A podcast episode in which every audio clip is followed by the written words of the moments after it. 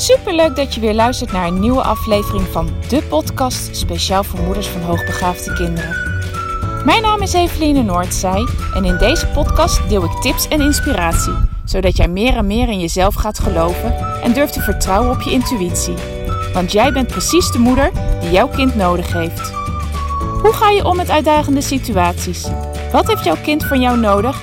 En hoe zorg je voor verandering in je gezinssituatie door jouw eigen persoonlijke groei?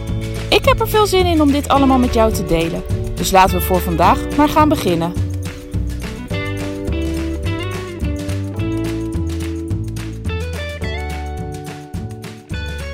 Een nieuwe dag, een nieuwe podcast. Leuk dat je weer luistert. Dank je wel alvast voor de moeite die je neemt. Je besteedt toch je kostbare tijd aan het luisteren van deze podcast. En daar ben ik heel erg dankbaar voor dat je de, de moeite en de tijd en de energie ervoor uh, voor gebruikt. En uh, nou ja, dan hoop ik ook echt zeker dat je er iets uithaalt. En mocht je vaker naar deze podcast luisteren, dan denk ik zeker dat je er waarde uithaalt.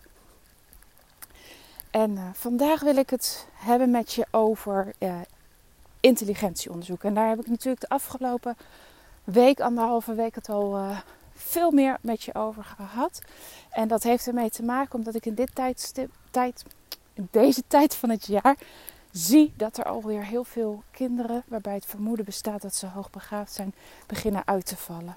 De eerste tekenen beginnen zo rondom de herfstvakantie alweer te komen. Kinderen die niet lekker in hun vel zitten, zich meer en meer terugtrekken, aangeven dat ze het saai vinden op school, dat ze balen van die vele herhaling. En dit is dan ook echt het meest ideale tijdstip Tenminste, zo kijk ik ernaar om, om een onderzoek te doen. En natuurlijk kan het ook in het, in, uh, verderop in het jaar. Natuurlijk, dat is helemaal. Altijd kan, het, kan een onderzoek plaatsvinden. Uh, maar ja, ik denk altijd, jeetje, als we nou nu nog een heel schooljaar hè, voor, de, voor de boeg hebben, liever nu, want dan kun, kan je nog gaan bouwen naar iets wat passend is bij je, bij je kind voor, voor dit schooljaar. En, want het is namelijk zo dat op het moment dat je erachter komt of weet of zwart op wit hebt dat je kind hoogbegaafd is en je gaat de gesprekken met school aan, dan zijn dingen niet van vandaag op morgen geregeld.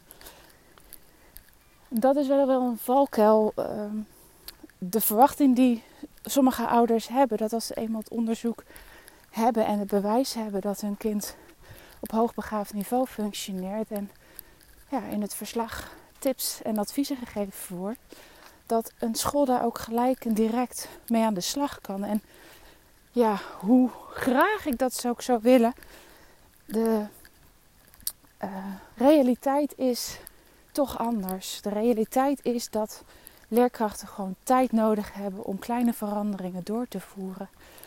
En daarnaast geeft een onderzoek ook niet overal antwoord op. Weet je, ik kan met een onderzoek op een deel van de vragen antwoord geven. Ik kan antwoord geven op wat een kind nodig heeft. Ik kan antwoord geven uh, wat uh, de onderwijsbehoeften zijn. Maar ik kan niet tot op detail ingaan wat het betreffende kind nodig heeft. En dat kan geen enkele onderzoeker. Weet je, wil je het echt tot in detail, dan zal er veel meer, ja, veel meer observaties nodig zijn. Veel meer, je moet kijken wat dit kind nou in de dagelijkse situatie op school nodig heeft. En dat kan op het moment dat ik een hele tijd, een aantal weken met een kind mee kan lopen binnen, binnen de school. Dan is het mogelijk tot in detail aan te geven: dit kind heeft dit en dit en dit nodig. Maar met een onderzoek blijf je toch beperkt in de paar uur dat je een kind ziet. En op basis van die informatie en de observatie die ik op dat moment doe, kom ik een heel eind. Maar uh, het is dus, wat ik hiermee wil zeggen, is dus dat het uiteindelijk, ook nadat er een onderzoek ligt met adviezen en, en tips voor de school, blijft het nog steeds een zoektocht met elkaar. Weet je, op een, wanneer er in een onderzoek staat dat compacte heel belangrijk is, omdat het kind heel snel door de stof heen gaat, dan is het voor het ene kind bij het ene vak zal er bijna alles geschrapt moeten worden. Een volgend kind heeft met dat vak moeite en heeft wat minder herhaling nodig, maar wel een langere instructie en wat meer oefening. Het volgende kind is al lang en breed door die stof heen en die zit op een heel ander niveau. Dan zou je het gewoon kunnen skippen. Dus er, er zit ook nog een zoektocht na het onderzoek. En daarom zeg ik van start zo snel mogelijk in het uh, schooljaar met een onderzoek. En, en, zodat je vanuit daar de acties kan gaan nemen en in overleg met school steeds kan gaan ja, stappen kan gaan zetten. En waarbij het heel belangrijk is dat je één keer in de vier tot zes weken met de leerkracht en het liefst met de IB'er erbij gaat evalueren van oké, wat hebben we nu gezien? Wat werkte wel, wat werkte niet en waar moeten we, uh, ja, waar moeten we gewoon gaan bijstellen? Uh, en dat wil niet zeggen dat je alles overboord moet gooien, want ja, na zes weken blijkt het niet te werken. Nee, je moet fine-tunen. Uh, en wat voor het ene kind werkt, wil niet zeggen dat het voor het andere kind ook werkt. Uh, en dat kost leerkrachten gewoon tijd. Dat is nou eenmaal zo. Ik had er gisteren nog met mijn zus over, die uh, ook in het onderwijs werkt. En ja, de werkdruk is gewoon hoog. Uh, er zijn weinig docenten te vinden die hè, de, de gaten willen opvullen. Dus ze proberen met man en macht een school draaiende te houden. En ieder kind in ieder geval die basis mee te geven. Dat is de eerste prioriteit. En zodra er genoeg handen zijn, genoeg leerkrachten zijn, kunnen ze ook meerdere stappen gaan zetten voor alle kinderen die aan nou ja, de ene kant van het spectrum, aan de andere kant van het spectrum meer ondersteuning nodig hebben of behoefte hebben aan een andere vorm van onderwijs. Maar nou ja, dat het momenteel gewoon zwaar is voor leerkrachten, ben ik me heel erg van bewust. En dat er een leerkrachtentekort is, maakt het gewoon niet makkelijker. Wat nog niet wil zeggen dat het een excuus is en dat je het moet laten liggen. Hè? Helemaal niet. Ik denk dat je altijd het gesprek moet aangaan. Uh, en dat je moet gaan kijken van, goh, kan de school het bieden of niet?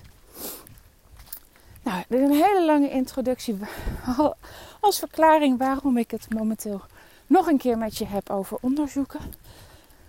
Uh, maar de, het daadwerkelijke onderwerp, die heeft natuurlijk nog steeds met intelligentieonderzoek te maken. Maar waar ik het met je over wil hebben, is de vraag die ik vandaag van een ouder kreeg van, ja, wanneer is het nou nodig om mijn kind te laten onderzoeken? Ja, en dat is een vraag die jij als ouder alleen maar kan beantwoorden. Ik krijg hem vaker gesteld. Als ouders uh, interesse hebben in intelligentieonderzoek, dan neem ik altijd even telefonisch contact met ze op. Sommige ouders weten al zeker dat ze dat willen. En dan is het een kwestie van, uh, nou ja, even kort een praatje van, goh, waar loop je tegenaan, wat wil je? Te bepalen wat voor soort onderzoek dan oké is. Um, maar er zijn ook ouders die zeggen van, ja, weet je, ik twijfel, ik twijfel heel erg of er momenteel een, uh, ja, of het onderzoek wel nood, noodzakelijk is. En ja, de, wat ik voor mezelf altijd voorhoud is van is er een vraag die je met het onderzoek beantwoord wil hebben? Is er geen vraag, is er geen aanleiding, dan zou ik zeggen: doe het niet. Je, het is toch een behoorlijke investering financieel die je moet doen. En is er geen reden, dat je kind lekker in zijn vel? Is er uh, geen aanleiding, geen vraag vanuit jouw kant, geen vraag vanuit de kant van school, geen vraag vanuit het kind? Dan, dan is een onderzoek nu voor dit moment gewoon niet relevant. En ja, hoef je dat ook niet in te zetten. Maar ja, wel een vraag die je graag beantwoord wil zien. Ja, dan kan een onderzoek, een intelligentieonderzoek daarbij aansluiten. En we kunnen onderscheid maken in verschillende vragen die je als ouder hebt. Uh, de ene vraag is gewoon dat je zelf heel graag bevestiging wil. Je wil je voor jezelf bevestiging zodat je stopt met piekeren wel niet, wel niet, wel niet. Dan kan het gewoon zijn dat een basisonderzoek waarbij je de hoogte van de intelligentie weet al voldoende kan zijn. Zo'n basisonderzoek waarmee je gewoon je eigen twijfels wegneemt.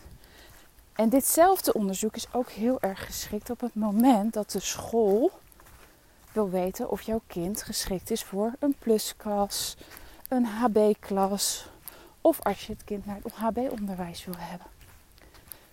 Daar hoeft geen lang onderzoek te zijn, omdat je, ja, dat klinkt even oneerbiedig, het enige wat je voor deze vragen nodig hebt, is simpelweg de hoogte van het IQ.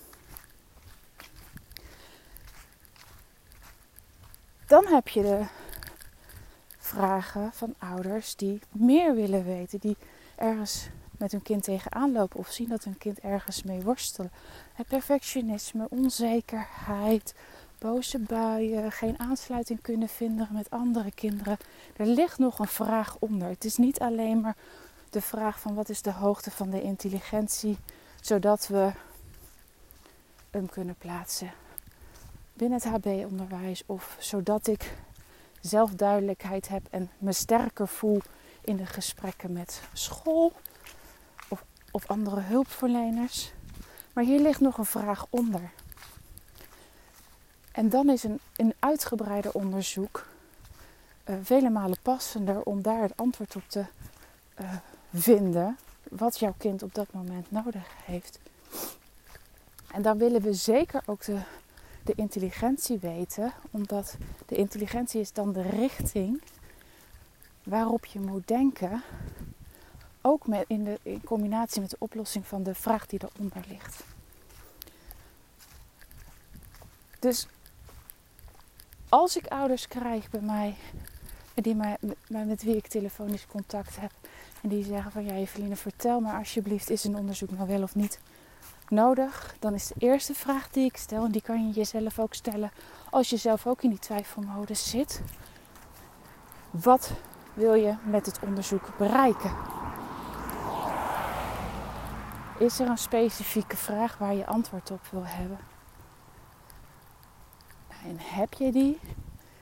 Welke vraag is het dan? En ja, leg die dan ook voor en kijk dan ook of dat een vraag is die je ook daadwerkelijk met een intelligentieonderzoek kan beantwoorden. Want ook daarin zit nog een verschil. Niet elke vraag uh, kan goed met een intelligentieonderzoek beantwoord worden. Soms is daar een, uh, een observatie of meerdere observaties veel passender bij. Het kan ook zijn dat, een, dat het kind een keertje op consult komt. Het kan zijn dat een didactisch onderzoek vele malen meer informatie verschaft. Dus ja, er zijn een heleboel kanten om te overwegen. Om voor jezelf duidelijkheid eerst te krijgen van wat je wil. En dan te kijken welk, welk onderzoek past daar het beste bij. Welke manier uh, van ja, hulp of ondersteuning is hiervoor gewenst. En vanuit daar kan je dan weer stappen gaan nemen. Nou, ik hoop dat ik voor je duidelijk ben heb kunnen zijn van wanneer het uh, interessant is om, een, om wel of geen onderzoek te laten afnemen bij je kind. Maar heb je nog twijfels? Neem gerust even contact met me op. Uh, dat kan via DM, via Instagram of via Facebook. Maar dat kan zeker ook door het contactformulier op mijn website in te vullen. Of zelf een afspraak in te plannen voor een telefonisch overleg. Ik wens je voor vandaag een hele fijne dag. Ik maak mijn rondje lopen in het bos nog even af. Heerlijk, dat weer dat werkt echt heel goed mee. Dat ik, uh, het wordt steeds beter. Eerst dachten we, hoe kamperen in de herfst zal het wel prachtig zijn en zal het wel goed genoeg zijn of te koud en te nat. Maar we boffen ontzettend met het weer en uh, ik ga er nog even lekker van genieten. Ik hoop dat jij ook nog dag geniet van je dag. En ik spreek je morgen weer. Groetjes, doei doei!